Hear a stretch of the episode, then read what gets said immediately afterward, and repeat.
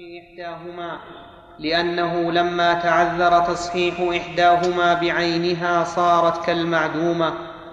ولو أحرم بالجمعة فعلم أنها قد أقيمت في مكان آخر لم يكن له إتمامها.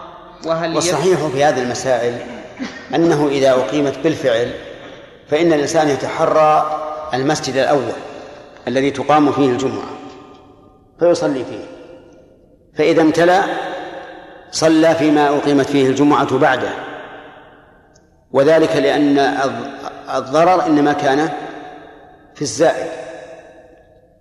فالأول الذي وضع أولا هو هو مسجد الجمعة. فيحرص الإنسان فيحرص الإنسان على أن يصلي فيه. فإن فإن امتلأ ففي ففي المسجد الذي كان بعده. فإن امتلأ ففي الثالث. وإن شق عليه أو كان لا يعلم فيصلي في أي مسجد وتصح الصلاة. أما أن نلزم العامة بإعادة الصلاة ونقول صلاتكم باطلة فهذا فيه مشقة على الناس تندفع بتيسير هذا هذا هذا الإسلام. نعم. ولو أحرم بالجمعة فعلم أنها قد أقيمت في مكان آخر لم يكن له إتمامها. وهل يبني عليها ظهرا أو يستأنفها على وجهين؟ أصح أصحهما استئنافها لأن ما مضى منها لم يكن جائزا له فعله ويعتبر السبق بالإحرام لأنه متى أحرم بإحداهما حرم الإحرام بالأخرى للغنى عنها. وقد سبق لنا أن الصحيح أن المعتبر الأسبق إقامة. وأن المسجد الذي كانت تقام فيه الجمعة هو الأصل والثاني هو الذي جاء كمسجد الضرار.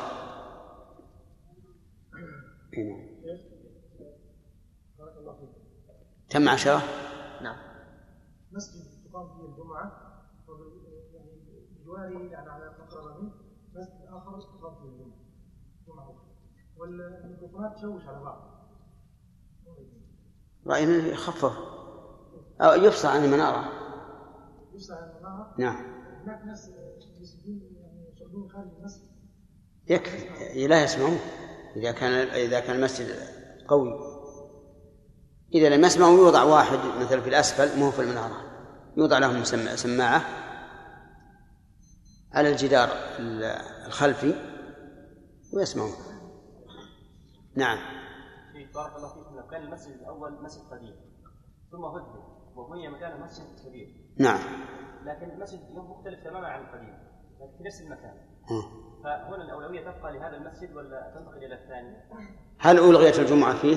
نعم هدم تماما. لا هل ألغيت فيه الجمعة؟ ألغيت فيه الجمعة أو لا؟ إيه أثناء الهدم. نعم. لأن العادة أنه إذا هدم يبنى حوله مكان مؤقت. نعم وقفت. هذه ينظر فيها عاد إلى رأي القاضي.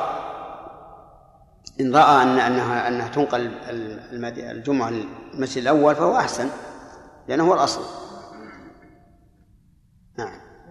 بعض جوائز الأوقاف في يديرها الصوفية إيش؟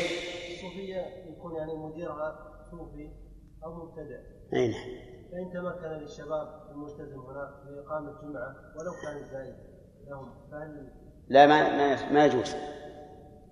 يقال هذا الصوفي إن كان الرجل خارجا عن الإسلام فالواجب إزالته. وإن كان الصوفية لا تخرجه وقد نصب من قبل ولاة الأمور فلا يجوز الاختلاف عليه. نعم. فصل. ولا يجوز لمن تجب عليه الجمعة السفر السفر بعد دخول وقتها لأنه يتركها بعد وجوبها عليه. فلم يجز كما لو تركها لتجارة إلا أن يخاف فوت الرفق إلا أن يخاف فوت الرفقة فأما قبل الوقت فيجوز للجهاد. فأما قبل الوقت فيجوز للجهاد. لما روى ابن عباس قال بعث رسول الله صلى الله عليه وسلم عبد الله بن رواحة في سرية فوافق ذلك يوم الجمعة. فقدم أصحابه وقال أتخلف فأصلي مع رسول الله ثم ألحقهم؟ قال فلما صلى رسول الله صلى الله عليه وسلم رآه فقال ما منعك أن تغدو مع أصحابك؟ فقال أردت أن أصلي معك ثم أردت أن أصلي معك ثم ألحقهم؟ فقال رسول الله صلى الله عليه وسلم لو أنفقت ما في الأرض ما أدركت فضل غدوتهم من المسند وهل يجوز لغير الجهاد فيه روايتان؟ إحداهما يجوز لأن عمر قال الجمعة لا تحبس عن سفر ولأنها لم تجب فأشبه السفر من الليل والثانية لا تجوز لما روى الدار قطني في الافراد لا, لا يجوز.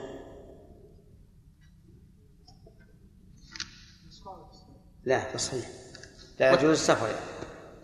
والثانية لا يجوز لما روى الدار قطني في الأفراد عن ابن عمر أن رسول الله صلى الله عليه وسلم قال من سافر من دار إقامة يوم الجمعة دعت عليه الملائكة ألا يصحب في سفره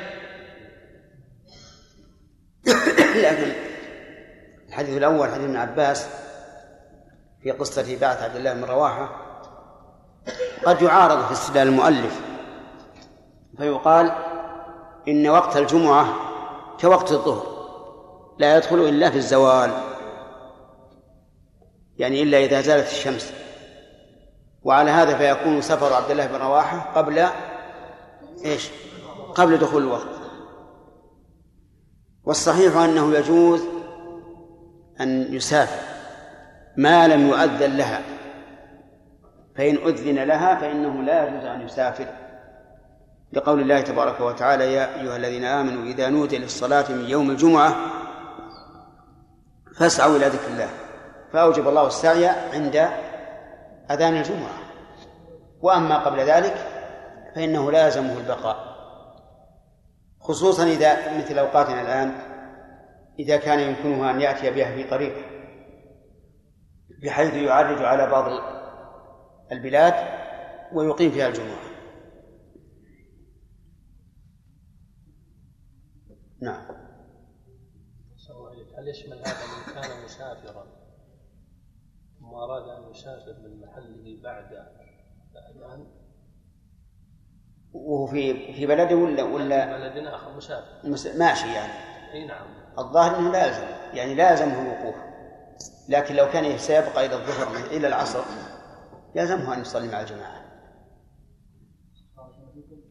هو صحيح في بدء وقت وقت الجمعه هذا الحديث من راح يوم الجمعه الساعة الأولى إلى آخر إيه، ذكرنا فيما سبق أن الأقرب أنه قبل الزوال لكن ما هو قبله بكثير. تقريبا. قبله بساعة وساعه الا ربع وما أشبه ذلك. الإعتراض على استدلال مالك ابن عباس ما فهم ما فهمت عبد الله بن رواح بعثه الرسول صلى الله عليه وسلم في سرية. فوافق ذلك يوم الجمعة فقدم أصحابه وقال أتخلف فأصلي مع الرسول. فهنا تخلف عبد الله نعم فهنا ذهبت السرية بعد دخول وقت الجمعة. لأن على على المشهور من المذهب يدخل وقتها إذا ارتفعت الشمس قيد رمح. ما يكون على رأي المغني أو هو يرجح هنا؟ يعني يقول يجوز الجهاد. فنقول هذا من يقول إنه دخل وقت الجمعة؟ نعم. فصل. ويجب السعي بالنداء الثاني لما ذكرنا إلا لمن منزله في بعد فعليه أن يسعى في الوقت الذي يكون به مدركا للجمعة لأن ما لا يتم الواجب إلا به فهو واجب. ويستحب التبكير بالسعي لما روى أبو هريرة أن رسول الله صلى الله عليه وسلم قال من اغتسل يوم الجمعة غسل الجنابة ثم راح في الساعة الأولى فكأنما قرب بدنه ومن راح في الساعة الثانية فكأنما قرب بقرة ومن راح في الساعة الثالثة فكأنما قرب كبشا أملح ومن راح في الساعة أقرن. أقرن صح لا عندي تصحيح. أقرن. ومن راح في الساعة الثالثة فكأنما قرب كبشا أقرا ومن راح في الساعة الرابعة فكأنما قرب دجاجة. ومن راح في الساعة الخامسة فكأنما قرب بيضة. فإذا خرج الإمام حضرت الملائكة يستمعون فإذا خرج الإمام حضرت الملائكة يستمعون الذكر متفق عليه وقال علقمة خرجت مع عبد الله يوم الجمعة فوجد ثلاثة قد سبقوه فقال رابع أربعة وما رابع أربعة ببعيد.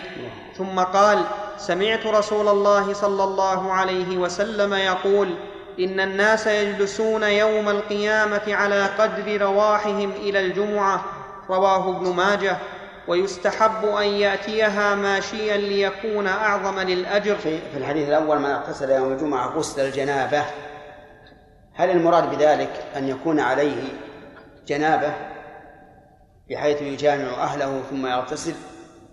أو المراد غسل الجنابة يعني كغسلها؟ الثاني هو المراد. وقول ثم راح فكأنما قر. لفظ الرواية بدون في الساعة الأولى ولهذا يحتاج إلى التخريج وإن كان في الصحيحين. لأن أنا عندي في الأولى مصححة والذي أحفظه في البخاري أنه ليس فيها في الأولى. من راح فكأنما قر. وهذا الرواح ليس معناه الذهاب بعد زوال الشمس وإنما المراد به مطلق الذهاب.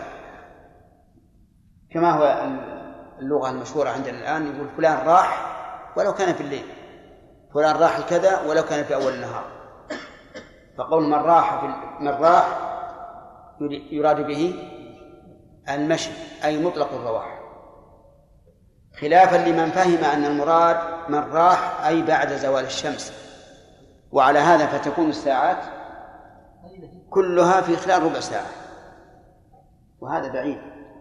فالصواب أن المراد راح أي ذهب فهي على مطلق الرواح. وفي أيضا تفاوت الأجر بتفاوت العمل. فيؤخذ منه حكمة الله عز وجل في المجازات وأن الجزاء من جنس العمل. أما لما كان هذا. هذا التفاوت فهذا ليس إلينا. لأن تقدير الأجور والثواب على من؟ عند الله عز وجل. وليس وليس لنا من الأمر شيء. فلا يقال لماذا كان الأول كأنما قرب بدنه والثاني كأنما قرب بيضة والأخير كأنما قرب بيضة لأن هذا أمر يرجع إلى الله عز وجل. وليس لنا إلا مطلق التسليم. و وفيه أيضا لماذا خص الكبش الأقرن؟ قالوا لأن الكبش الأقرن في الغالب يكون أقوى وأكبر حجما فيميز على غيره. ولهذا كان النبي صلى الله عليه وعلى آله وسلم في اضحيته يحتاج يختار الأقرن. وقوله وقد استدل بعض العلماء بجواز الأضحية بالدجاج. قال لأنه قال فكأنما قرب دجاجة فجعلها في مصاف بهيمة الأنعام الإبل والبقر والغنم. فتجوز التضحية بالدجاجة بالديك فيقال له إذن جوز الأضحية بالبيضة لأنه قال فكأنما قرب بيضة. وهو استدلال استدلال غريب لكن بعض الناس يأخذ بظاهر اللفظ ولا ينظر إلى النصوص الأخرى الدالة على أن الأضاحي إنما هي من بهيمة الأنعام. لقوله صلى الله عليه وسلم لا تذبحوا إلا مسنة إلا أن تعصر عليكم فتذبحوا جذعة من الضأن. وفي في الحديث أيضا أن الملائكة تستمع إلى الخطبة. فبينما هي على أبواب المساجد مساجد الجمع فإنه إذا جاء الإمام تركت الكتابة وأنصتت للخطبة. فإن قال قائل أي فائدة للملائكة بسماع الخطبة؟ قلنا إن وجودهم بركة وخير. بركة وخير ويكون هذا من باب إضافة النعمة أو من باب زيادة النعمة على مصلي الجمعة أن الملائكة تحضر وتستمع ثم هي إذا سمعت تعظيم الله عز وجل في هذه الخطبة وتلاوة آياته وموعظة المسلمين لا شك أنه يزداد يزدادون إيمانا. وإن كانوا هم على أعلى ما يكون من الإيمان لكن كلما قوي الإيمان كان أكمل. وفيه أيضا في الحديث تسخير الله عز وجل لبني آدم الملائكة تسخر لهم. تقف على أبواب المساجد تكتب كل من جاء. الأول فالأول. يعني كأنهم جنود. جندهم الله عز وجل ليكتبوا الأول فالأول. وفي هذا دليل على أن الخطبة تسمى ذكرا. ونستفيد من هذه الفائدة وجوب حضور الخطبة واستماع واستماعها. لقول الله تعالى إذا نودي للصلاة من يوم الجمعة فاسعوا إلى ذكر الله. فنقول إلى ذكر الله أي إلى الخطبة. في فيستدل به على وجوب حضور خطبة الجمعة والاستماع إليها. وفي حديث علقمة مع عبد الله بن مسعود رضي الله عنه. دليل على حرص الصحابة على التقدم للجمعة وعلى تأسفهم إذا وجدوا غيرهم قد سبقهم. لقول ابن عباس ابن مسعود رابع أربعة كأنه انتقد نفسه ووجد أنه يكون هو الأول وأحب أن يكون هو الأول. والمراد تقدم الإنسان بنفسه لا بمنديله ولا بكتابه ولا بكرسي المصاحف كما يفعل بعض الناس اليوم. تجده يضع المنديل بعضهم يضع المسواك بعضهم يضع المفاتيح. وما أبلغ أمنه إذا وضع المفاتيح. لأنه يخشى أن يأتي إنسان يأخذ المفاتيح ويقول الحمد لله مفتاح سيارة ومفتاح باب. نعم. لكن مع ذلك عندهم قوة أمن. فالمراد بالتقدم إلى الجمعة أن يتقدم الإنسان بنفسه. ولهذا اختلف العلماء رحمهم الله في جواز وضع الشيء في المكان ليحجزه لنفسه. فمنهم من أجاز ذلك ومنهم من منعه. فمن أجازه قال إن النبي صلى الله عليه وسلم أذن ببناء الخيمة في المسجد وهذا نوع من الحجز لأن مكان الخيمة لن يصلي فيه أحد ولن يستقر فيه إلا صاحبه. ومنهم من منع ذلك وقال إنه لا يجوز وأن هذا تحجر لمكان غيره أحق به منه. والراجح التفصيل في هذا أنه إذا وضع هذا الشيء ليحجز به المكان وهو قد خرج من المسجد بعذر وسيعود بعد انتهاء عذره فإن هذا لا بأس به. لحاجة الإنسان إلى الخروج وإن كان وضع هذا المكان وخرج إلى بيته وأهله ومتجره فهذا جناية على من سبق لأنه أحق بهذا المكان منه. نعم. عبد الله؟ أنت الوقت حديث. حديث. أحاديث أحاديث. ها؟ إيش؟ الذي ذكرته في زيادة الساعة الأولى. أيوه. قال المحقق وهذه الزيادة انفرد بها مالك الموطأ. آه. والحديث منسوب للشيخين وهذه الزيادة ليست عندهما فلم نثبتهما إيه. اذا ما أعرف. لكن إذا قيل كيف نعرف إنها الأولى؟ نقول لأنه لما قال ومن راح في الثانية فيكون قوله من راح يعني في الأولى ومن راح يعني في الثانية فهو وإن لم تكن موجودة لفظا فبقية الحديث يدل عليها نعم الشيخ الموفق رحمه الله تعالى ويستحب أن يأتيها ماشيا ليكون أعظم للأجر وعليه سكينة ووقار لقول النبي صلى الله عليه وسلم لا تأتوا الصلاة وأنتم تسعون وأتوها وعليكم السكينة والوقار. متفق عليه. ويقارب بين خطاه لتكثر حسناته. بسم الله الرحمن الرحيم. أما كون الأفضل يأتيها ماشيا فكما قال المؤلف رحمه الله لأن لأجل أن ينال أجر الخطأ. وأما قوله رحمه الله نعم ويقارب بين الخطاء ففي هذا نظر. لأن المقاربة بين الخطى أمر يقصد. ولو كان من الأمور المشروعة لبينه النبي صلى الله عليه وعلى آله وسلم. وأما قوله صلى الله عليه وسلم لم يخطو خطوة إلا رفع له بها درجة وحط عنه بها خطيئة فالمراد الخطوة المعتادة. المراد الخطوة المعتادة.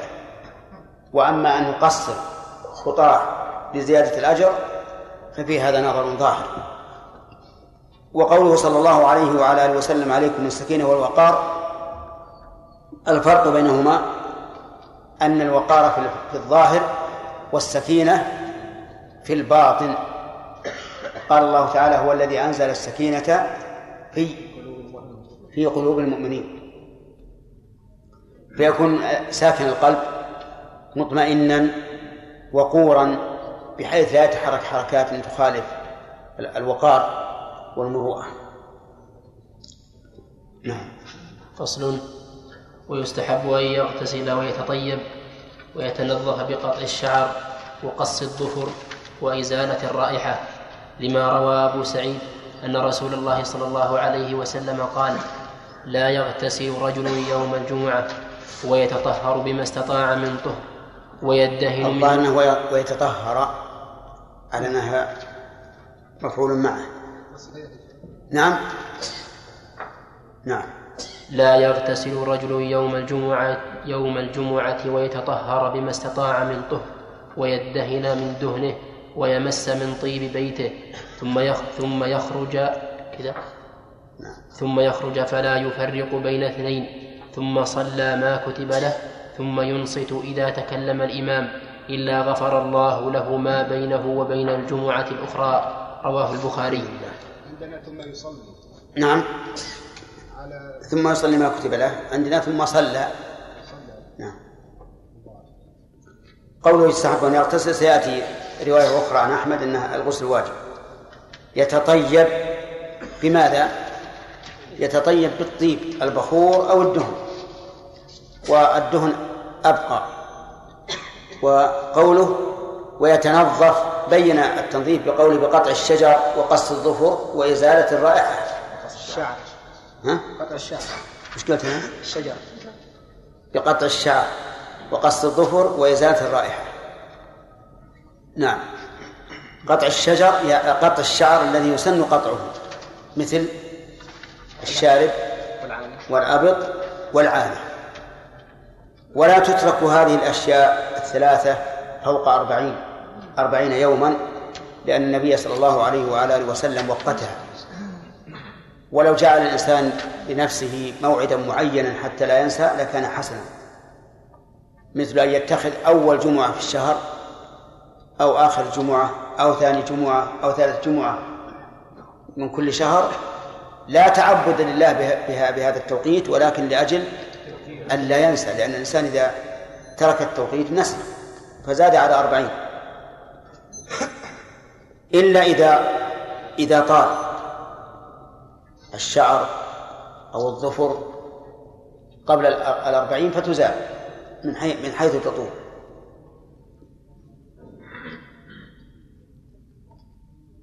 طيب.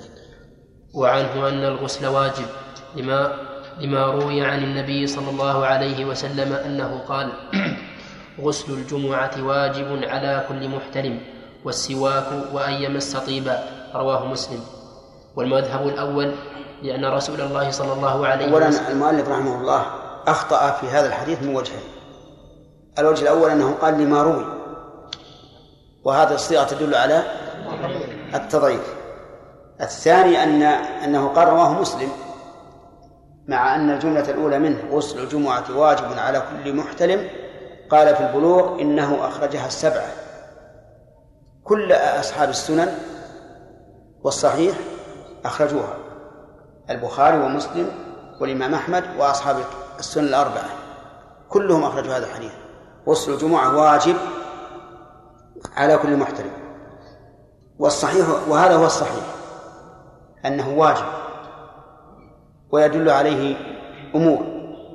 الأول لفظ واجب صريح في الوجوب وقد صدرت من أعلم الخلق بالشرع ومن ومن أعلم الخلق بما يقول ومن أعلم الخلق بمدلولات الألفاظ ومن أفصح الخلق ومن أنصح الخلق. فلا يمكن أن يطلق مثل هذا اللفظ وهو يريد من الأمة أن يدعوه إذا شاءوا. فهو صريح في الوجوب ومعلوم أن هذه العبارة لو وجد لو وجدت في مصنف من مصنفات الفقهاء ما شك القارئ أن المصنف يرى أنه أنه واجب. فكيف وقد صدرت من النبي صلى الله عليه وعلى آله وسلم؟ الوجه الثاني أن أن الرسول صلى الله عليه وسلم قال إذا أتى أحدكم الجمعة فليغتسل. والأصل في الأمر الوجوب لأن الله هدد المخالف فقال فليحذر الذين يخالفون عن أمره أن تصيبهم فتنة أو يصيبهم عذاب أليم. الوجه الثالث أن الصحابة فهموا الوجوب فإن عثمان بن عفان رضي الله عنه أتى وعمر بن الخطاب يخطب الناس يوم الجمعة وكأنه عرض به. فقال والله يا أمير المؤمنين ما زدت على أن توضأت ثم أتيت. فقال والوضوء أيضا. وقد قال النبي صلى الله عليه وعلى آله وسلم إذا أتى أحدكم الجمعة فليغتسل. فلامه على ذلك. ولا ولا ولا موجب لصرفه عن الوجوب. ليس فيه إلا حديث سمرة المرسل الركيك اللفظ وهو قوله من توضأ يوم الجمعة فبها ونعمت ومن اغتسل فالغسل أفضل. هذا الكلام بمجرد ما تسمعه لا تكاد تجزم أنه لم يخرج من مشكاة النبوة. كلام ركيك وبعيد أن يكون الرسول قد قال عليه الصلاة والسلام.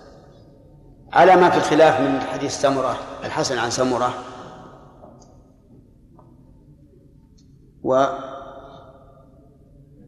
ونقول أيضا إيجاب ذلك على الناس أحوط من عدم الإيجاب. وقد قال النبي صلى الله عليه وسلم من من اتقى الشبهات فقد استبرأ لدينه وعرضه. فإن قال قائل هل وجوبه كوجوب الغسل من حدث؟ بحيث لو لم يفعل لم تصح صلاته؟ فالجواب لا.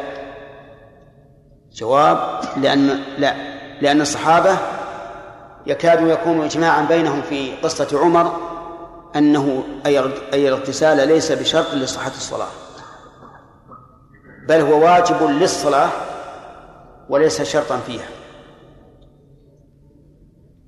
فإن قال قائل وهل يجزئ الغسل بعد الصلاة؟ فالجواب لا.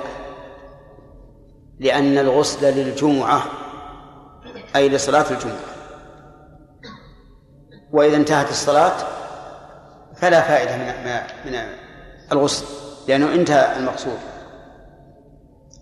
أما السواك وأن يمس طيبا فهذا ليس بواجب بالاتفاق على أن أحد الرواة ونسيت من هو قال أما السواك فلا أدري وأظنه أبو سعيد وأظنه أبا سعيد. قال أما الغسل فواجب وأما السواك فلا أدري. وكأنه توقف لأن السواك لا يحصل به من التنظيف كما يحصل من الاغتسال. ويتأكد أي اغتسال في أيام الصيف وأيام الحر التي يكثر فيها العرق. وتفوح الرائحة. ولهذا توسط شيخ الإسلام ابن تيمية رحمه الله وقال إن غسل الجمعة واجب على من فيه رائحة لا تزول إلا بالاغتسال. لكن العموم أولى يعني عموم القو... عموم ال... أي عموم الوجوب أولى من القول بالتقييد. نعم. ها؟ يا إخواني أيها القارئون اخفضوا أصواتكم جزاكم الله خيرا. وخير لكم أن تحضروا الدرس لأن الدرس يفوتكم ومجلس الذكر يفوتكم. أما القرآن فتقرؤونه بعد الصلاة أو في أي أي وقت آخر. نعم. نعم. نعم ها. إذا كانت الرائحة طبيعة فلا يمكن أن تزول بالغسل. لكن من الممكن أن يدهن بأطياب قوية تخفف الرائحة. يعني في أطياب لها رائحة قوية تخفف الرائحة.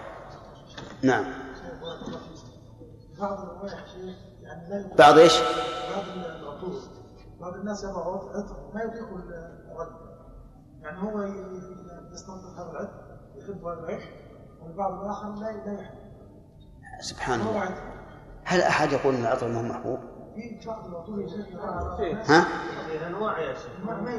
لكن النوع ما, ما تطاق نعم ها؟ في بعض انواع البخور؟ البخور لا لا البخور البخور كله طيب. حلة يعني كرب ولا خشب ما مكروه؟ على كل حال إذا كان يؤذي أكثر الناس فهمت؟ فلا يستعمل ها؟ اي هو هو كل العطور مستوردة لو قال شوف نظام الغسل بالسواك والطيب يدل على عدم وجوب نعم. يدل إيش؟ يدل على عدم وجوب الغسل. نعم. نعم. قال الآخر واقتران السواك بالغسل, يدل على وجوب السواك يوم الجمعة وأنه لا بد من أن ينظف الإنسان فمه كما ينظف جسده ولا إجماع في المسألة. يعني هي أنا يعني يرد علينا هذا. وأنا قلت لكم قبل قليل الفرق بين الغسل الذي يتنظف فيه جميع الجسد وبين السواك. نعم. شيخ التوقيت في الأربعين يوم إذا كان بعد الأربعين هل يجب قص؟ والله يظهر لي أنا من حديث أنس وقت لنا ألا نترك فوق أربعين. يظهر لي أن هذا أمر واجب. بعد نعم. بعد الأربعين. أن إيه أن- أنه واجب مع لا, ت... لا تكون فوق أربعين. ثلاث. ثلاثة. نعم. والمذهب الأول لأن رسول الله صلى الله عليه وسلم قال من توضأ يوم الجمعة فبها ونعمت ومن اغتسل فالغسل أفضل. قال الترمذي هذا حديث حسن والخبر الأول أريد به تأكيد الاستحباب ولذلك ذكر فيه السواك والطيب وليس بواجب وليس واجبين.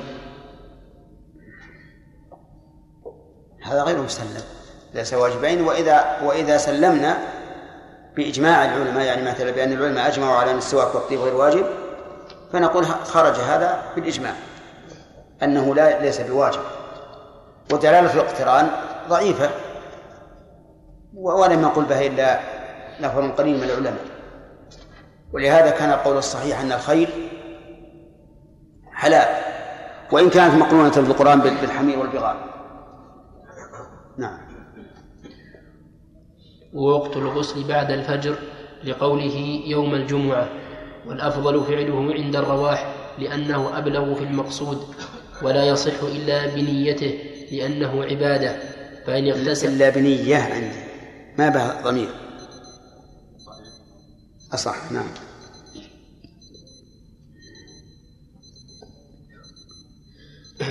ولا يصح إلا بنية. طيب قوله رحمه الله وقت الغسل بعد الفجر. هذا ص- في احتمال لا شك لأن اليوم الشرعي يدخل بطلوع الفجر. لكن لو أخره إلى ما بعد طلوع الشمس لكان أحسن. لأنه إذا أخره حتى تطلع الشمس كان اغتساله في اليوم قطعا. وقبل طلوع الشمس أمر مشكوك فيه. نعم. ولا يصح إلا بنية نعم لأنه من العبادة. وقد قال النبي صلى الله عليه وعلى آله وسلم إنما الأعمال بالنيات. نعم. فإن اغتسل. ف...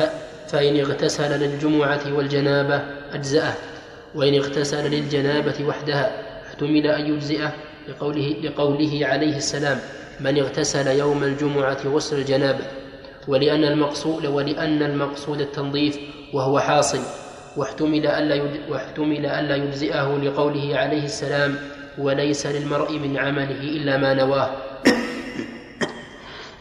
الظاهر أنه روى حديث بالمعنى. ليس العمل ليس المرء من عمله إلا ما نواه. هو لأنه قريب من معنى وإنما لكل امرئ ما نوى. والذي يظهر أنه يجزئ. إذا نوى عن الجناب إذا نوى عن الجنابة وغاب عن ذهنه نية الغسل الجمعة فإنه يجزئه. لكن لو نوى للجمعة دون الجنابة. هل يجزئه أو لا؟ لا يجزئه لأن غسل الجنابة عن حدث ولا بد من رفعه بالنية. وغسل الجمعة تنظيف وليس عن حدث ولا يجزئ الأدنى عن عن الأعلى. طيب لو نواهما جميعا. صح. كما لو نوى بالراتبة تحية المسجد مع الراتبة. وإن اغتسل للواجب أولا ثم للمسنون أجزأه أو لا؟ اغتسل أولا الجنابة ثم عاد واغتسل للجمعة. يجزئ ولا لا؟ يجزئ. بل قال الفقهاء إنه أكمل أن يغتسل للواجب أولا ثم للمس... للمسنون ثانيا. وقال ابن حزم رحمه الله لا لا يجزئ أحدهما عن الآخر. بل لا بد أن يغتسل أولا للجنابة ثم ثانيا للجمعة. وبناء على هذا يكون إعادة الغسل مرتين يكون أحوط من من وجه آخر اتقاء لهذا القول الذي ذهب إليه ابن حزم. وإن كان نرى أنه قول ضعيف لكنه قد قيل. وأما قول المؤلف لقول النبي صلى الله عليه وسلم إيش؟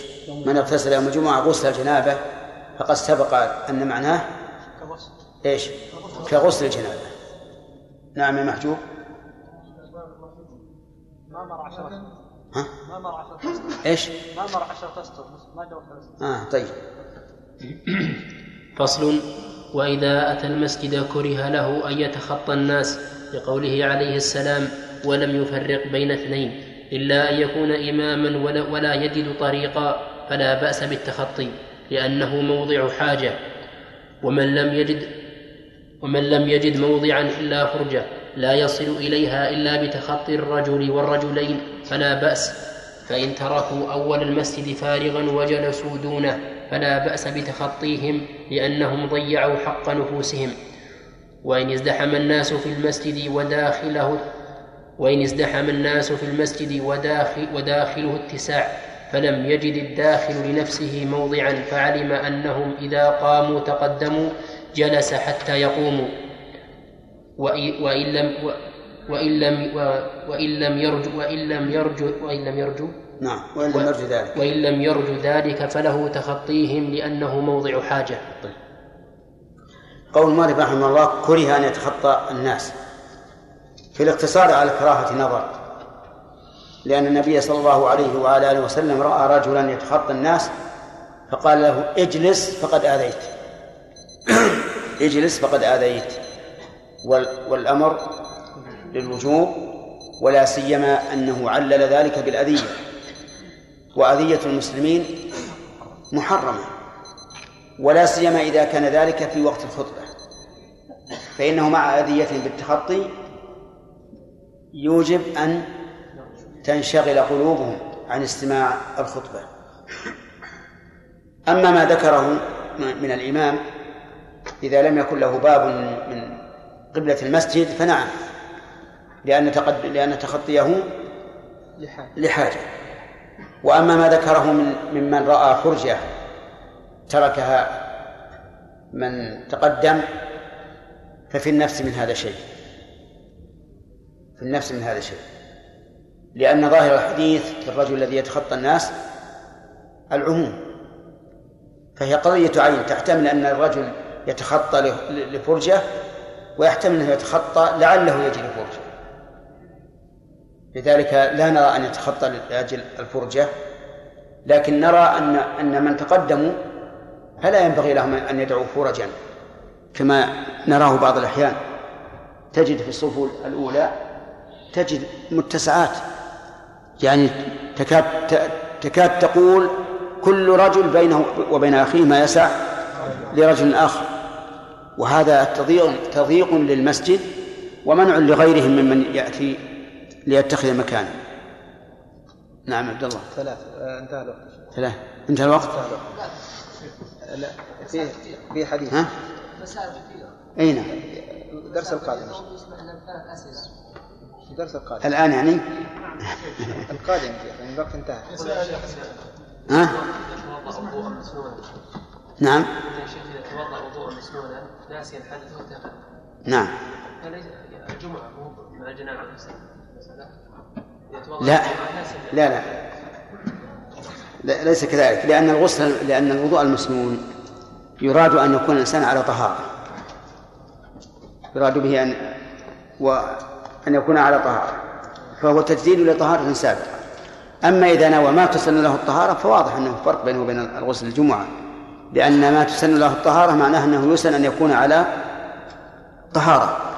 فإذا نوى أن يكون على طهارة سواء كان ذلك لوضوء مستحب أو واجب فقد ارتفع الحدث.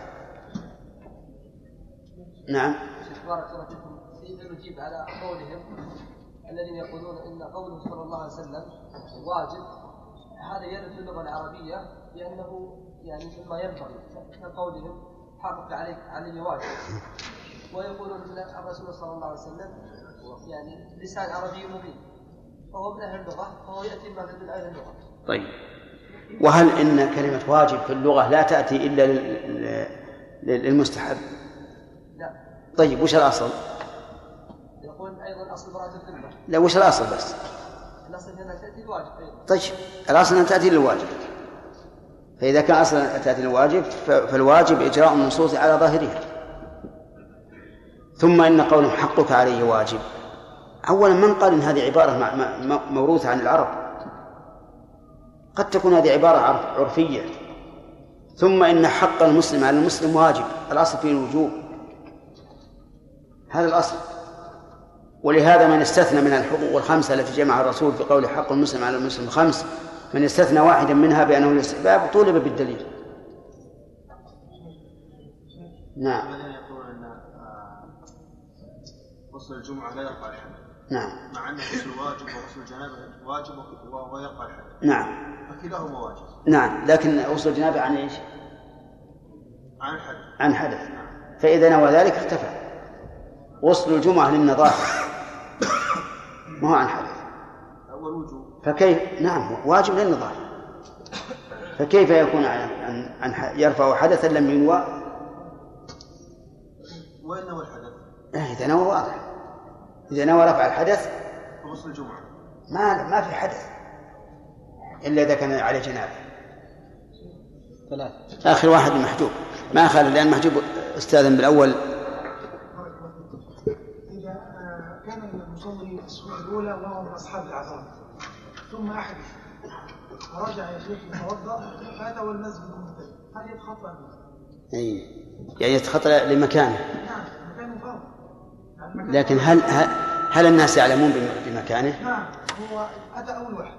لكن الناس اللي اللي جاءوا المتأخرين عقب ما خرج يعلمون عن مكانه؟ نعم لا لا, ما يعلمون. مم. طبعا ما يعلمون. الصف الأول هو أتى في الجلسة الصف الأول ثم أحدث. هو كان من العذاب ثم والله على كل حال نعم لو إذا استأذن منه. ولا وكان في غير الخطبة. وقال جزاك الله خير افسح لي مكان قدام. هذا طيب ما في شر شيء. 20 صف يجوز. لو هم 30 صف ما هو يتخطاهم يعني بدل ما إنه يمشي هكذا كل ما وصل إلى واحد افسح جزاك الله خير. وإذا كان يخطب يجلس. يجلس مكانه. حديث حديث. حتى أيضا نريد أن نلاحظ على مسألة اللي سألناها خالد خلف مسألة الدباب وما أشبه ذلك. قد تكون من السلاح. فإذا كانت من السلاح فهو غنيمة. لا يحرم يعني بمعنى أنه لا لا, لا يمكن أن يحرم يدخل في الغنيمة إذا رأى إذا كان فيه المصلحة. وإلا فهو لأهله. نعم. كيف؟ يتكلم عن الغالب الغالب ذكر الفقهاء أنه يحرق ويحلوه إلا السلاح والمصحف وما فيه روح. تكلم عن السلف يا شيخ. نعم. عن السلف. من؟ مو عن الغال لا عن السلف. اي يعني است- استشكال وهو في محله يا شيخ. نعم. أن الدبابه ليست سلف ليست ملكا للشخص نفسه حتى يقال سلبه نعم. إنما هي ملكا للدوله ملكا لدولته. إيه، لكن دولة محاربة. دولة محاربة. ما له حر- حلال. نعم. ما يخلي يبيع على الله يرزقه. نعم. لا لا هي من- من السلف إيش؟ رحمه الله تعالى. وليس لأحد أن يقيم غيره ويج... وليس لأحد أن يقيم غيره ويجلس مكانه. لما روى ابن عمر أن النبي صلى الله عليه وسلم قال لا يقيم الرجل لا يقيم, لا يقيم الرجل من مقعده ويجلس فيه متفق عليه. وإن قام له رجل من مكانه وأجلسه فيه جاز لأن الحق, لأن الحق له لكن لكن إن كان المنتقل ينتقل إلى موضع أبعد من موضعه كره لما فيه من الإيثار بالقربة. ولو قدم ولو قدم رجل غلامه فجلس في موضعه فإذا جاء قام الغلام وجلس مكانه فلا بأس به كان ابن سيرين يفعله. وإن فرش له مصلى لم يكن لغيره الجلوس لم يكن لغيره الجلوس عليه. وهل, وهل لغيره رفعه والجلوس في موضعه؟ فيه وجهان. وإن قام الجالس من موضعه لحاجة ثم عاد إليه فهو أحق به. لما روى أبو هريرة قال قال رسول الله صلى الله عليه وسلم إذا قام أحدكم من مجلسه ثم رجع إليه فهو أحق به رواه مسلم.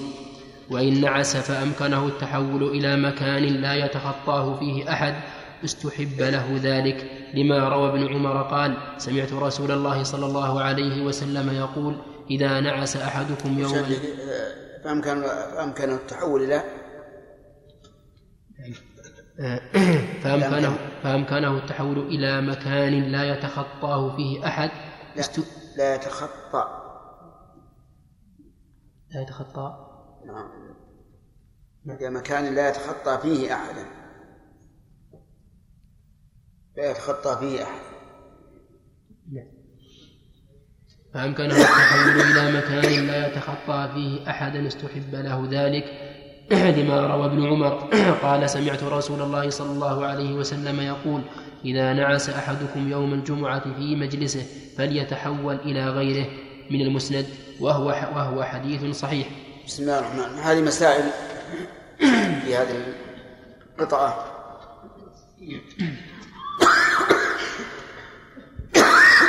المسألة الأولى أنه لا يجوز لا يجوز أن يقيم غيره ويجلس مكانه. واستدل لذلك بأن النبي صلى الله عليه وعلى آله وسلم قال لا يقيم الرجل الرجل من مقعده ويجلس فيه. متفق عليه. والنفي هنا بمعنى النهي. وإذا جاء النفي بمعنى النهي فهو أبلغ في الزجر عنه. لأن التقدير أن هذا أمر معلوم معلوم بحيث صار سجية وطبيعة بأن الإنسان لا يقيم غيره. وظاهر كلام المؤلف أنه لا يقيم أخاه الصغير ولا ابنه ولا الصبي الصغير لعموم قوله لا يقيم نعم وليس لأحد أن يقيم غيره ويجلس مكانه. وهذا حق. أنه لا يجوز أن يقيم الإنسان غيره ويجلس مكانه مهما كان هذا الغير. وإن قام المسألة الثانية إذا قام له الرجل من مكانه وأجلسه فيه فهل له أن يقبل؟ الجواب نعم له أن يقبل لأن الحق للجالس الأول فإذا أسقطه فلا فلا بأس.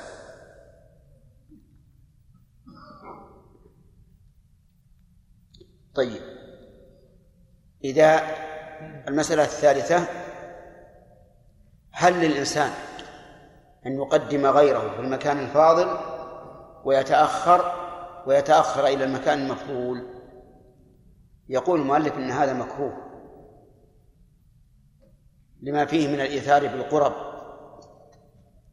وهذا صحيح يعني لا ينبغي للإنسان أن يوثر غيره بالقربة لأنه سيحتاج إليها. إلا إذا ترتب على ذلك مصلحة أكبر مثل أن يوثر أباه أو أحدا له فضل على الناس بمال أو علم أو ما أشبه هذا ويريد أن يوثره تشجيعا له ولغيره. فهذا يعرض للمفضول ما يجعله أفضل من الفاضل. المسألة الرابعة إذا قدم أحدا يجلس في مكان فاضل حتى يحضر سواء كان غلامه أو ابنه الصغير أو غيرهما. فهل له ذلك؟ يقول المؤلف إنه لا بأس. واستدل بفعل ابن سيرين. وابن سيرين من التابعين. وفعله ليس بحجة. وقوله ليس بحجة. لأن العلماء اختلفوا في قول الصحابي هل يكون حجة أم لا فضلا عن قول التابع. ولهذا نرى أن في النفس شيئا. وذلك أن هذا الذي قدم فجلس لم يتقدم لنيل لنيل الفضل له وإنما تقدم لنيل الفضل لغيره. وغيره ليس له حق أن يتقدم في المكان الفاضل ويتأخر من سبقه المجيء. فهو يشبه التحجر بقطعة منديل أو بالسجادة أو ما أشبه ذلك. المسألة الخامسة أو السادسة. هل إذا هل له أن يفرش مكانا ليأتي فيصلي فيه. يعني هل له أن يفرش شيئا في مكان ليصلي فيه إذا حضر. المذهب أن ذلك جائز. وليس لغيره أن أن يجلس فيه. لأن هذا المصلى لمن؟ للذي فرشه. ولا يجوز أن يصلي عليه فيتصرف في مال غيره. لكن هل للغير أن يرفعه؟ يقول مؤلف إن فيه وجهين. الوجه الأول أن له أن يرفعه لأن هذا وضعه بغير حق. والوجه الثاني ليس له أن يرفعه. والمذهب أنه ليس له أن يرفعه إلا إذا أقيمت الصلاة. ولا شك أنه لو رفعه سوف يكون بينه وبين صاحبه خصومة وشجار وعداوة وينظر كل واحد منهما إلى الآخر نظرة غضب ودرء المفاسد أولى من جلب المصالح. لكن ينصح هذا الرجل الذي يضع مصلى أو غيره يحتزه عن الناس الذين هم أحق به منه ينصح. ويقال يا أخي لا تفعل هذا. لأنك إذا فعلت حرمت غيرك المكان الفاضل. وإذا فعلت فإنك تعتمد على أنك قد وضعت مكانا لك في مقدم المسجد فتتهاون في الحضور والتقدم. كما هو الشأن الآن فيما يشاهد الناس أن الذين يعجزون في, في الأماكن المتقدمة تجدهم لا يأتون إلا في آخر الناس. لأنه يرى أنه قد ضمن لنفسه أن يكون في الصف الأول فيتأخر. أما إذا قام من مجلسه لعذر ثم رجع فإنه أحق بمكانه وله أن يقيم من من جلس فيه. لكن ينبغي له إذا خرج لعذر أن يضع في مكانه شيئا يدل على أنه سيرجع. لئلا يجلس فيه أحد فيحصل النزاع إذا رجع وقال قم عن مكاني. وكل ما حصل به درء المشاجرة بين المسلمين فهو خير. المسألة الأخيرة إذا نعس فالأفضل أن يتحول إلى مكان آخر. واستدل له المؤلف بحديث في المسند وقال إنه حديث صحيح. وربما يشهد له أن النبي صلى الله عليه وعلى آله وسلم لما نام في السفر ولم يستيقظ إلا بعد طلوع الشمس أمرهم أن يتحولوا إلى مكان آخر. فارتحلوا إلى مكان آخر. ولكن إذا لزم من هذا أن يتخطى رقاب الناس. فنقول له لا تتخطى. تبقى في مكانك وتحاول طرد النعاس. بماذا؟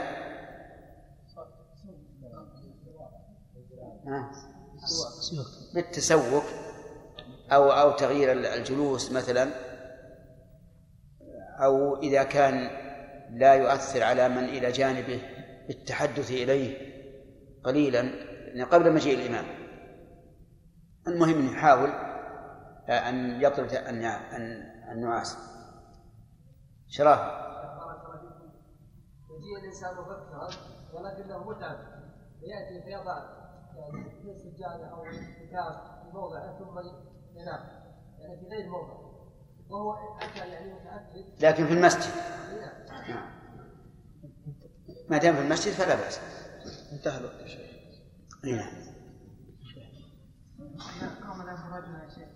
إيش؟ إذا قام له رجل من المكان فهل الأفضل يجلس في المكان بدون أن يأمره بالمعروف ولا هذا قربة لأنه له منفعة فيه أو يأمره بالمعروف وهو منكر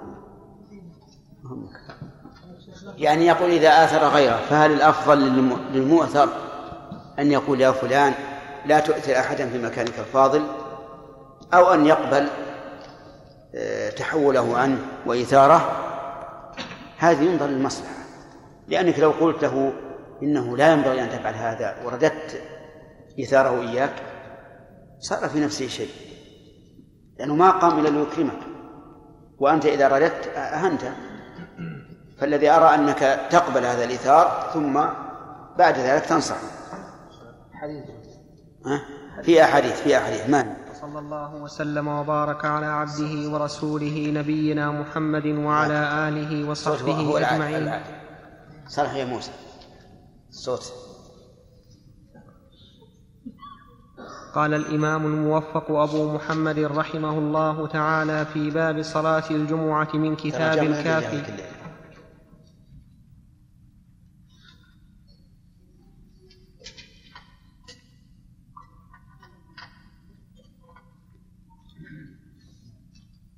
نعم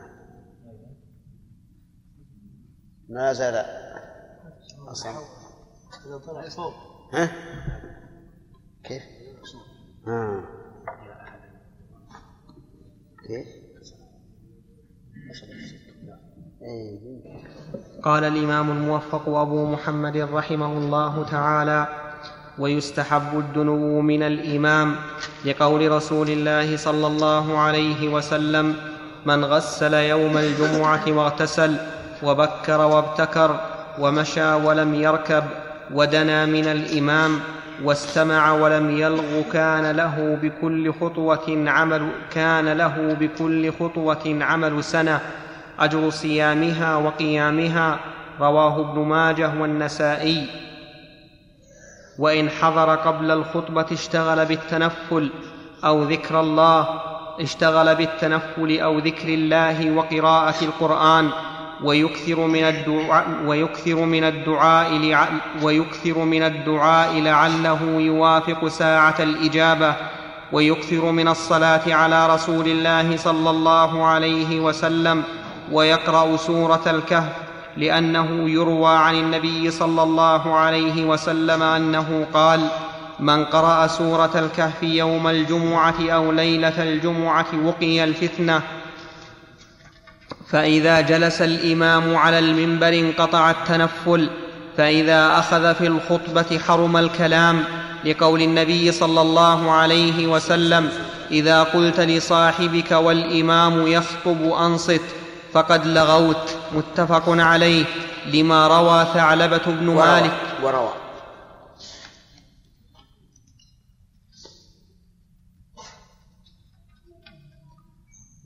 ثعلبة بن مالك أنهم كانوا يتحدثون يوم الجمعة وعمر جالس على المنبر فإذا سكت المؤذن قام عمر ولم يتكلم أحد حتى يقضي الخطبتين فإذا قامت الصلاة ونزل عمر تكلموا وعنه لا يحرم الكلام لما روى أنس قال بينما النبي صلى الله عليه وسلم يخطب يوم الجمعة إذ قام رجل فقال يا رسول الله هلك الخراع هلك الشاء فادعوا الله أن يسقينا وذكر الحديث متفق عليه والأول أولى وهذا يحتمل أنه في تكليم الخطيب دون غيره لأنه يشتغل بتكليمه عن سماع خطبته. لأنه. لأنه يشتغل بتكليمه عن سماع خطبته. نعم. أنا عندي ساقطة لأنه كلها ما موجود دون غيره لا يشتغل بتكليمه لكن على كل حال الصواب لأنه لا يشتغل.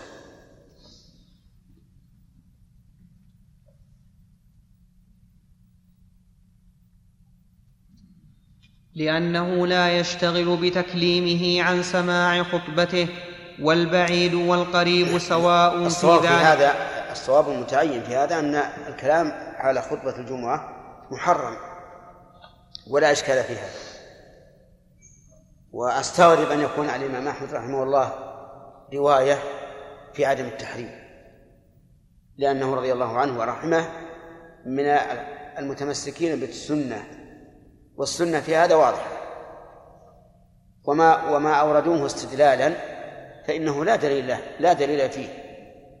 لأن هذا الرجل يكلم الخطيب فلا يشتغل بتكليمه سماع الخطبة إذ أن الخطيب سوف يكلمه ولا ولا يخطب حال تكليمه. ويستثنى من ذلك ما إذا دعت الضرورة إلى الكلام. كما لو تكلم لإنقاذ معصوم من هلكة فإن ذلك جائز. مثل أن يرى شخصا يخشى أن يسقط في بئر أو نحوه فيتكلم. فهنا الكلام جائز بل هو واجب لأنه لإنقاذ معصوم.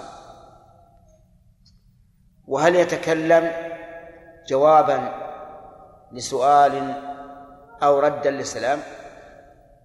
الجواب لا لا يرد السلام. ولكن إذا انتهت الخطبة يقول للمسلم إنه لا يحل لك أن تسلم ولا يحل لغيرك أن يجيبك على سلام لئلا يتهمه بالكبرياء وليفهم الحكم. فهو إذا أخبره بهذا استفاد فائدتين الفائدة الأولى له والفائدة الثانية لمن لم يجبه. الفائدة لمن لم يجبه أنه يدفع عن نفسه إيش؟ تهمة الكبر. والفائدة لمن؟ المسلم أنه يعرف الحكم حتى لا يعود مرة ثانية ويسلم. طيب وهل وهل يسكت المتكلم؟ نقول أما بالإشارة فنعم وأما بالعبارة فلا. لأن النبي صلى الله عليه وعلى آله وسلم قال إذا قلت لصاحبك والإمام يخطب أنصت فقد لغوت. واللغو أن لا يدرك أجر الجمعة. وعلى هذا فيكون معنى قوله صلى الله عليه وعلى آله وسلم ومن لغى فلا جمعة له يعني أنه لا يدرك فضلها. وليس المعنى أن أن صلاته تبطل بل صلاته صحيحة مجزئة. ولا أظن في ذلك خلافا. لكن أجر الجمعة الخاص لا لا يناله لأنه لغى. وفي مسند الإمام أحمد أن الذي يتكلم والإمام يخطب كمثل الحمار يحمل أسفارا والذي يقول أنصت لا جمعة له. نعم من المعلومة كل من سمع اسم النبي صلى الله عليه وسلم يسلم عليه ما هو من المعلوم من قال انه من المعلوم يعني في حديث؟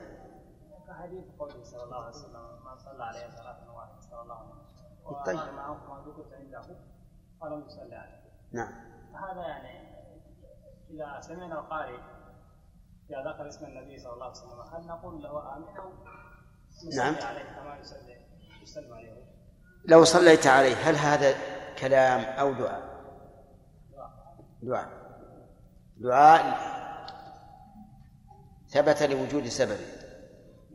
فأنت تقول اللهم صل وسلم عليه بحيث لا تشوش على من حولك أو تقول آمين لأن تأمينك على صلاة الخطيب بمنزلة دعائك أنت. إذ أن المؤمن على دعاء يستمع إليه داعي. ودليل هذا قوله سبحانه وتعالى في قصة موسى وهارون. وقال موسى ربنا إنك آتيت فرعون وملأه زينة وأموالا في الحياة الدنيا.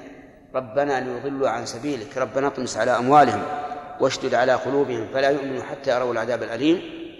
قال قد أجيبت دعوتكما والداعي موسى. لكن قالوا إنه إن إن هارون كان يؤمن. فقال الله قد أجيبت دعوتكم. فأنت إذا سمعت أحد يصلي على النبي صلى الله عليه وعلى آله وسلم وأنت تستمع إليه وقلت آمين كفى. نعم. فيكم لا شك في عهد النبي صلى الله عليه وسلم ولم يفعله ولا الصحابة ولا السلف الصالح أنه يكون مما خالف السنة.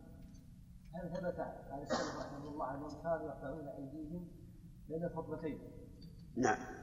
لأن الناس الآن شيخ بارك الله فيكم صاروا يكثرون من هذا. نعم. ولان هذا من السنة خلاف السنة. يقولون ما ثبت بطريق العموم. ولم ينقل فعدم النقل ليس نقل للعدم. ومن المعلوم أن هذه الساعة ساعة إجابة. وأن من آداب الدعاء رفع اليدين. فإذا رفع أحد يديه فإننا لا ننكر عليه. لأن هذا الموضع آه، الوقت وقت إجابة. نعم. وهذا هو هذا هو اللي يتبين به إطلاق نقل أن عدم النقل ليس نقلا للع- للعدم. يعني معناه ما ثبت بعموم أو نحوه فلا يحتاج إلى أن ينقل العمل به. لأن الأصل أنهم يعملون به. ويقال عدم النقل ليس نقلا للعدم نعم لو نقل أنهم لا يفعلون حين نقول لا, لا تفعل ادعو الله بدون رفع يديك. كما تقول رب اغفر لي في الصلاة وأنت لا ترفع يديك. نعم. في الخطبة يعني؟ لا. رفع اليدين في الخطبة أنكره الصحابة على بشر بن مروان. لكن قد ثبت رفع اليدين في الخطبة في حال الاستسقاء وفي حال الاستصحاء في غير ذلك لا ترفع اليد لا الخطيب ولا المستمع. نعم. ثلاثة. ذكر بعض العلماء أنه إذا ورد النص العام فإنه لا لا يستدل بجزء لا يعمل بجزء منه إلا إذا ثبت عن السلف العمل به نعم. هذه قاعدة مهدومة. مهدومة. لأن الأصل هو الأصل العمل. والأصل أن العام شامل لجميع أفراده. لقول النبي صلى الله عليه وسلم حين ذكر التشهد وعلى عباد الله الصالحين قال إذا فعلتم ذلك فقد سلمتم على كل عبد صالح في السماء والأرض. نعم. والبعيد والقريب سواء في ذلك. وقد روي عن عثمان أنه قال إن للمنصت الذي لا يسمع من الخطبة مثل ما للسامع إلا أن للبعيد أن يذكر الله ويقرأ القرآن سرا وليس له الجهر ولا المذاكرة في الفقه لأن النبي صلى الله عليه وسلم نهى عن الحلق يوم الجمعة والإمام يخطب. وروى أبو داود والنسائي عن عمرو بن شعيب عن أبيه عن جده أن النبي صلى الله عليه وسلم نهى عن التحلق يوم الجمعة قبل الصلاة ومن يسمع متكلما لم ينهه بال نعم طيب. يقول رحمه الله القريب والبعيد في هذا سواء يعني كل من في المسجد لا يجوز لهم الكلام لكن من لم يسمع فله أن يذكر الله عز وجل أو يسبح أو يقرأ القرآن أو يطالع في الفقه بشرط أن لا يشوش على غيره. فإن شوش على غيره فإنه يمنع. ربما يكون مثلا إنسان يقلب الكتاب يسمع له صوت ويشوش على الناس فهذا يمنع. ولو كان بعيدا. ثم إن المؤلف رحمه الله استدل بنهي النبي صلى الله عليه وسلم عن التحلق يوم الجمعة. في اللفظ الأول التحلق والإمام يخطب. وفي الثاني التحلق قبل الصلاة. فيحتمل أنه أراد بما قبل الصلاة وقت الخطبة. ويحتمل أنه أراد ما هو أوسع. حتى ما قبل ذلك. فإن كان الأول فالنهي ظاهر لأن الناس إذا تحلقوا والإمام يخطب غفلوا عما يقول الخطيب. وإن كان الثاني فإنه يحمل على ما إذا كان التحلق يضيق على من سبق إلى المسجد لأن يوم الجمعة يتقدم الناس. فإذا كان هناك تحلق فإنه يضيق على المصلين الذين قدموا للجمعة من وجه وربما يشوش عليهم بالأصوات من وجه آخر. فلهذا نهي عن التحلق. أما لو كان هناك حلقة بعد صلاة الفجر يوم الجمعة وتنتهي قبل أن يبدأ حضور الناس فهذه لا لا نهي فيها. نعم. ومن يسمع متكلما لم ينهه بالقول للخبر ولكن يشير إليه ويضع إصبعه على فيه. عندي يده. صحيح. نسخة. لأن من الناس من يضع يده ومن الناس من يضع إصبعه. نعم وإن وجب الكلام مثل تحذير ضرير شيئا مخوفا فعليه الكلام؟ لأنه لحق طيب ماشي. لأنه لحق ادمي فكان مقدما على غيره ومن سأله الإمام عن شيء فعليه إجابته لأن النبي صلى الله عليه وسلم سأل الداخل أصليت؟ فأجابه. وسأل عمر عثمان فأجابه. وفي رد السلام وتشميت العاطس روايتان. نعم. ساله الإمام يقول فعليه الإجابة. وجوبا أو استحبابا أو ماذا إن كان الإمام ممن يصر على ما ما يتكلم به فإجابته واجبة. لأنه لو لم يجبه لأعاد عليه الطلب مرة ثانية وربما زجره. وإن كان الإمام من أهل اليسر والتسهيل فإن الإجابة لا تجب إلا إذا ترتب على ذلك مصلحة عامة كما لو انقطع تجار الكهرباء مثلا أو مكبر الصوت وقال يا فلان أصلح هذا فهنا يجب أن أن يجيبه لئلا تتعطل المصلحة قصة عمر مع عثمان ما هي؟ غسل الجمعة نعم. تأخير. تأخير تأخير إيه. تأخر ولم يغتسل تأخرت وقال أيضا لم أزد على أن توضأت. فقال له عمر والوضوء أيضا.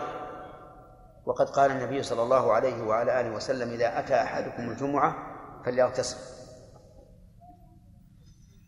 نعم. وفي رد السلام وتشميت العاطس روايتان. إحداهما يفعل لأنه لحق. يفعله. إذا شئتم تحطون نسخة ما في مانع إحداهما يفعله لأنه لحق آدمي فأشبه تحذير الضرير والأخرى لا يفعله لأن المسلم سلم لأن المسلم سلم في غير موضعه. والتشميت سنة لا يترك لها الإنصات الواجب ولا يتصدق على سائل طيب. وال الصحيح أنه لا يجوز. لا رد السلام ولا تشميت العاطس و... و... ولو حمل. وذلك لأن الاستماع للخطبة أهم.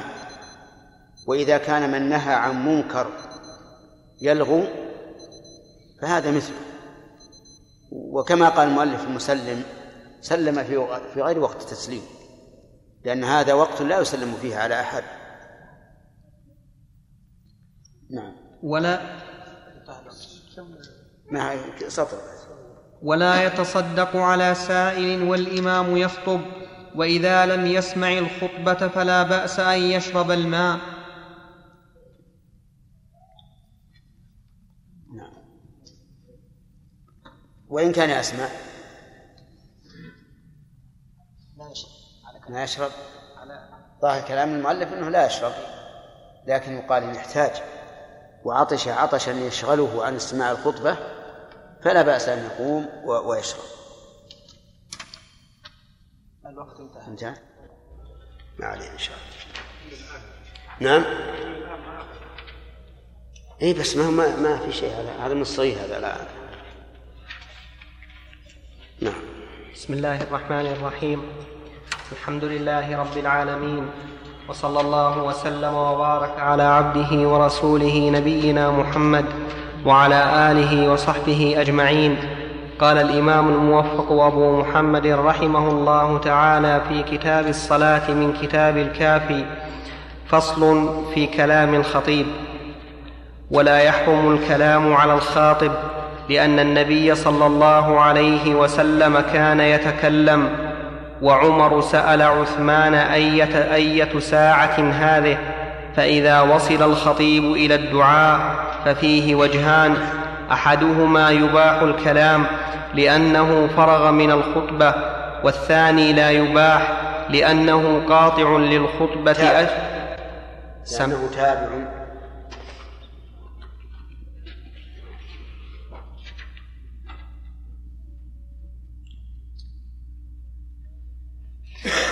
والثاني لا يباح لأنه تابع للخطبة أشبه التطويل في الموعظة.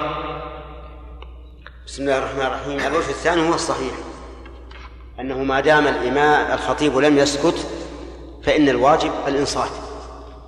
وظاهر كلام المؤلف لا يحرم الكلام على الخاطب أن للخاطب أن يتكلم بما شاء متى شاء وليس كذلك. بل لا يتكلم إلا لمصلحة أو حاجة. حتى الخطيب لا يتكلم إلا لمصلحة أو حاجة.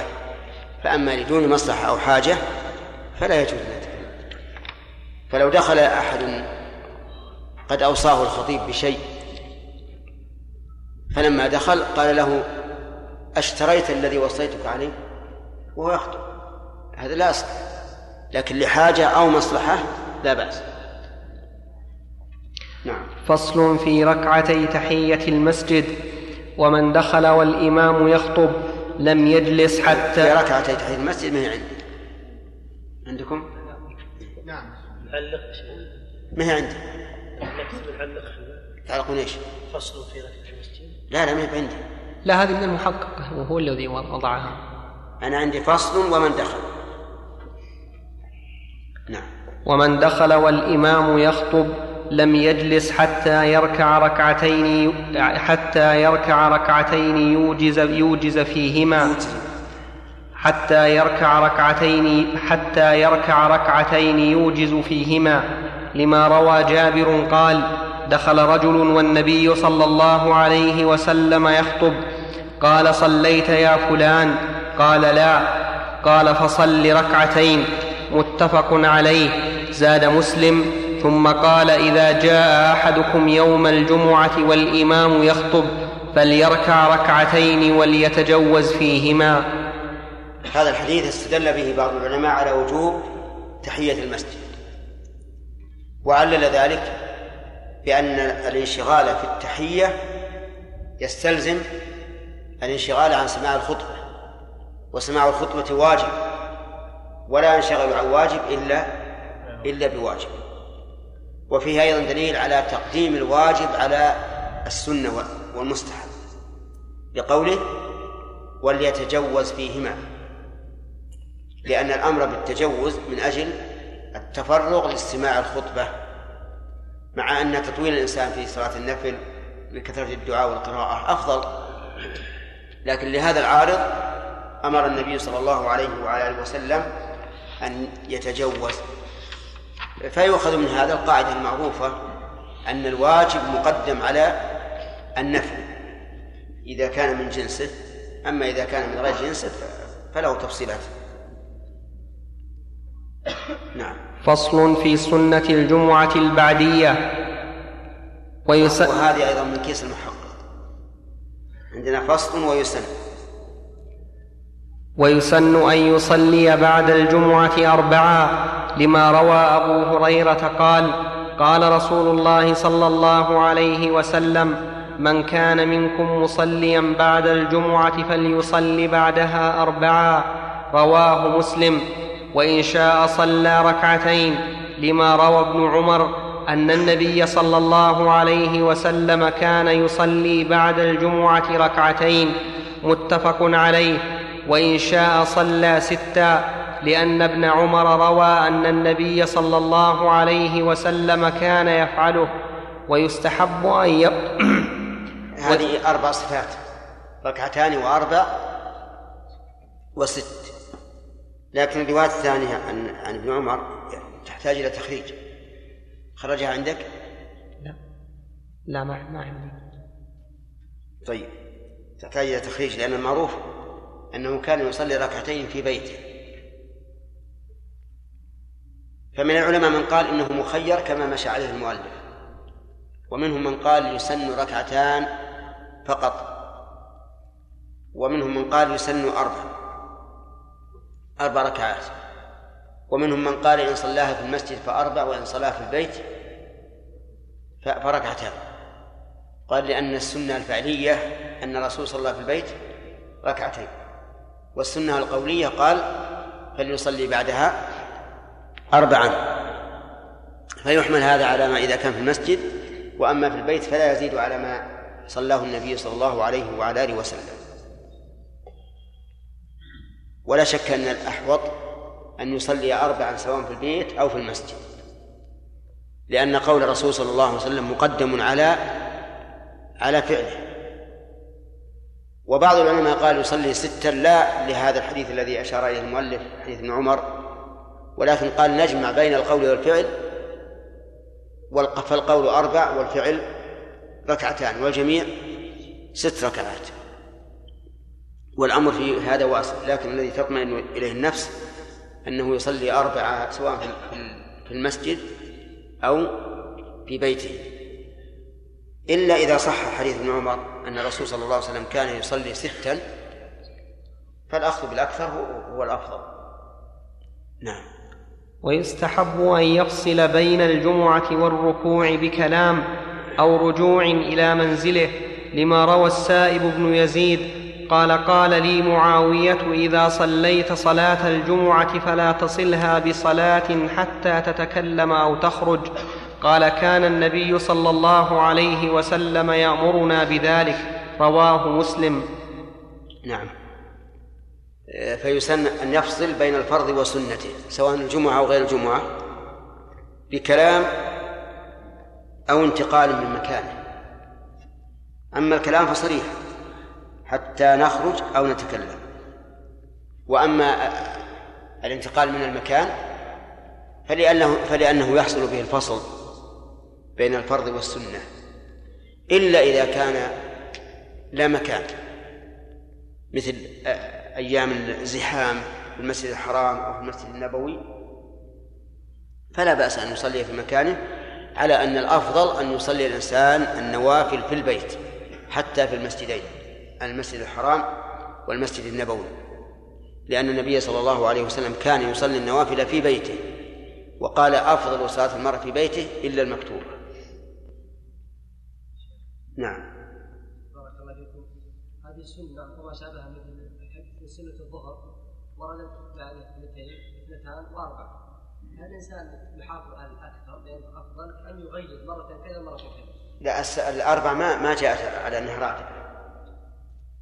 القبلية. القبلية لا ثبت أنها راتبة. في البخاري وغيره. لا لا يصلي أربع وكون ابن عمر يقول يصلي ركعتين في بيته يقول هذا الذي رآه. وعائشة تقول كان يصلي أربع. كلام من التسبيح أو كلام من الآدمين نعم. الظاهر والله أعلم أنه ما يحصل به التمييز سواء كان تسبيحا طويلا أو كلام آدمي يعني يطول التسبيح ما يقول اللهم أنت السلام ومنك السلام تبارك هذا الجلال والإكرام ثم يقوم يصلي. نعم. نعم. نعم.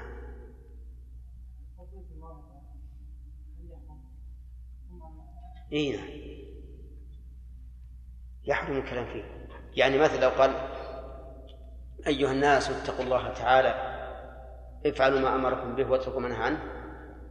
بعض العلماء يقول الواجب الإنصات عند قوله اتقوا الله. أما افعلوا ما أمر به واتركوا ما عنه فلا يجب الإنصات لأن هذا تطويل في الموعظة. لا لا ما يحرم الكلام على كل حال. يحرم الكلام والخطيب يخطب على كل حال حتى ينزل. واضح القياس إنما قاسه على من يرى أنه إذا طول في الموعظة حرم الكلام. ما دام ما دام في الموعظة والخطبة كلها موعظة. فصل فيما يقرأ في فجر الجمعة ويستحب. هذا أيضا من كيس المحقق. عندنا فصل ويستحب. ويستحب أن يقرأ في صلاة الفجر يوم الجمعة ألف لام ميم تنزيل. وهل أتى على الإنسان لأن النبي صلى الله عليه وسلم كان يقرأ في صلاة الفجر يوم الجمعة ألف لام ميم تنزيل الكتاب؟ وهل أتى على الإنسان حين من الدهر؟ تنزيل الكتاب. تنزيل. أين نعم. بالرفع. عندك بالنصب لا لا تنزيل. بالرفع. ألف لام ميم. تنزيل الكتاب. وهل أتى على الإنسان حين من الدهر؟ رواه مسلم. قال أحمد ولا أحب أن يداوم عليها لئلا يظن, لئلا يظن الناس أنها مفضلة بسجدة. كان النبي صلى الله عليه وسلم يقرأ بهاتين السورتين كاملتين لأن فيهما مبدأ خلق الإنسان وأحوال وأحواله وأحواله ومنتهاه. فيذكر الناس يوم الجمعة ببدء الخلق لأن يوم الجمعة بدأ فيه خلق آدم وبأحوالهم وبمنتهى أمرهم لأن يوم الجمعة تقوم فيه الساعة. لا لأن لا لأن تنزيل فيها السجدة. ولهذا يغلط بعض الأئمة يظن أن أن فجر يوم الجمعة يسن فيه السجدة بأي صورة وهذا غلط.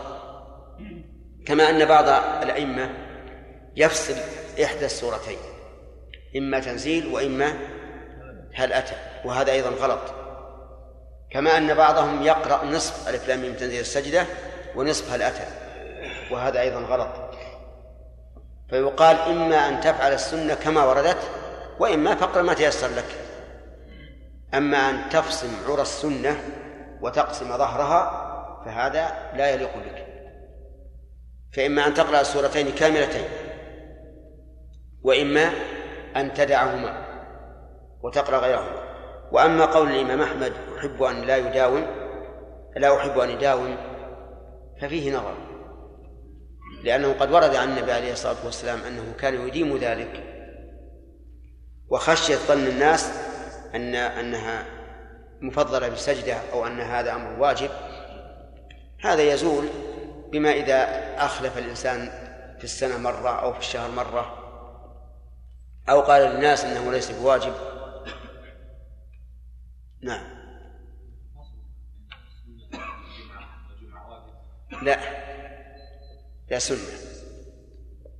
لأنه قال أمرنا أمرنا ألا. ولم يقل نهانا.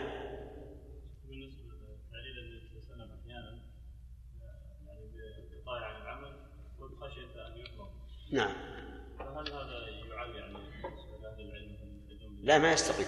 لأنه في عهد الرسول يمكن يتغير الشرع ينسخ. أما الآن فكل شيء ثابت. لكن نعم لو فرضنا إن الإنسان ما يبين للناس ولا يوم واحد يعني يبدا يبدأ يقرأ بهما دائما دائما أو لا يبينها في مقاله فهذه ربما نقول إنه لا لا ينبغي. خشية من أن يظنوا أنها فرض مع أنهم لن يظنوا ذلك إذا كانت المساجد الأخرى لا تقرأها. سيعرفون هذا. ثلاثة. اثنين. المسبوق فجر الجمعة. إيش؟ المسبوق فجر الجمعة نعم. كانت ثلاث ركعة. إذا كان؟ إذا كانت ثلاث ركعة نعم. هل يقرأ آه، الإنسان أم يسجد؟ لا يقرأ لا يقرأ السجدة لأنها فاتت السجدة في الركعة الأولى. إلا على قول من يقول إنما يقضيه أول صلاته. فيقرأها وعلى هذا فيقرأ ما تيسر. أراد أن يقرأ السجدة حتى يجتمعه سورتان في الصلاة. ما يقرأ السجدة لأن السجدة إنما شرعت في الركعة الأولى. وهذا الداخل فاتته الركعة الأولى إلا على قول من يرى أن ما يقضيه المسبوق هو أول صلاته فحينئذ يقرأها. فصل فإذا اتفق عيد في يوم جمعة فصلوا العيد لم لم تلزمهم الجمعة ويصلون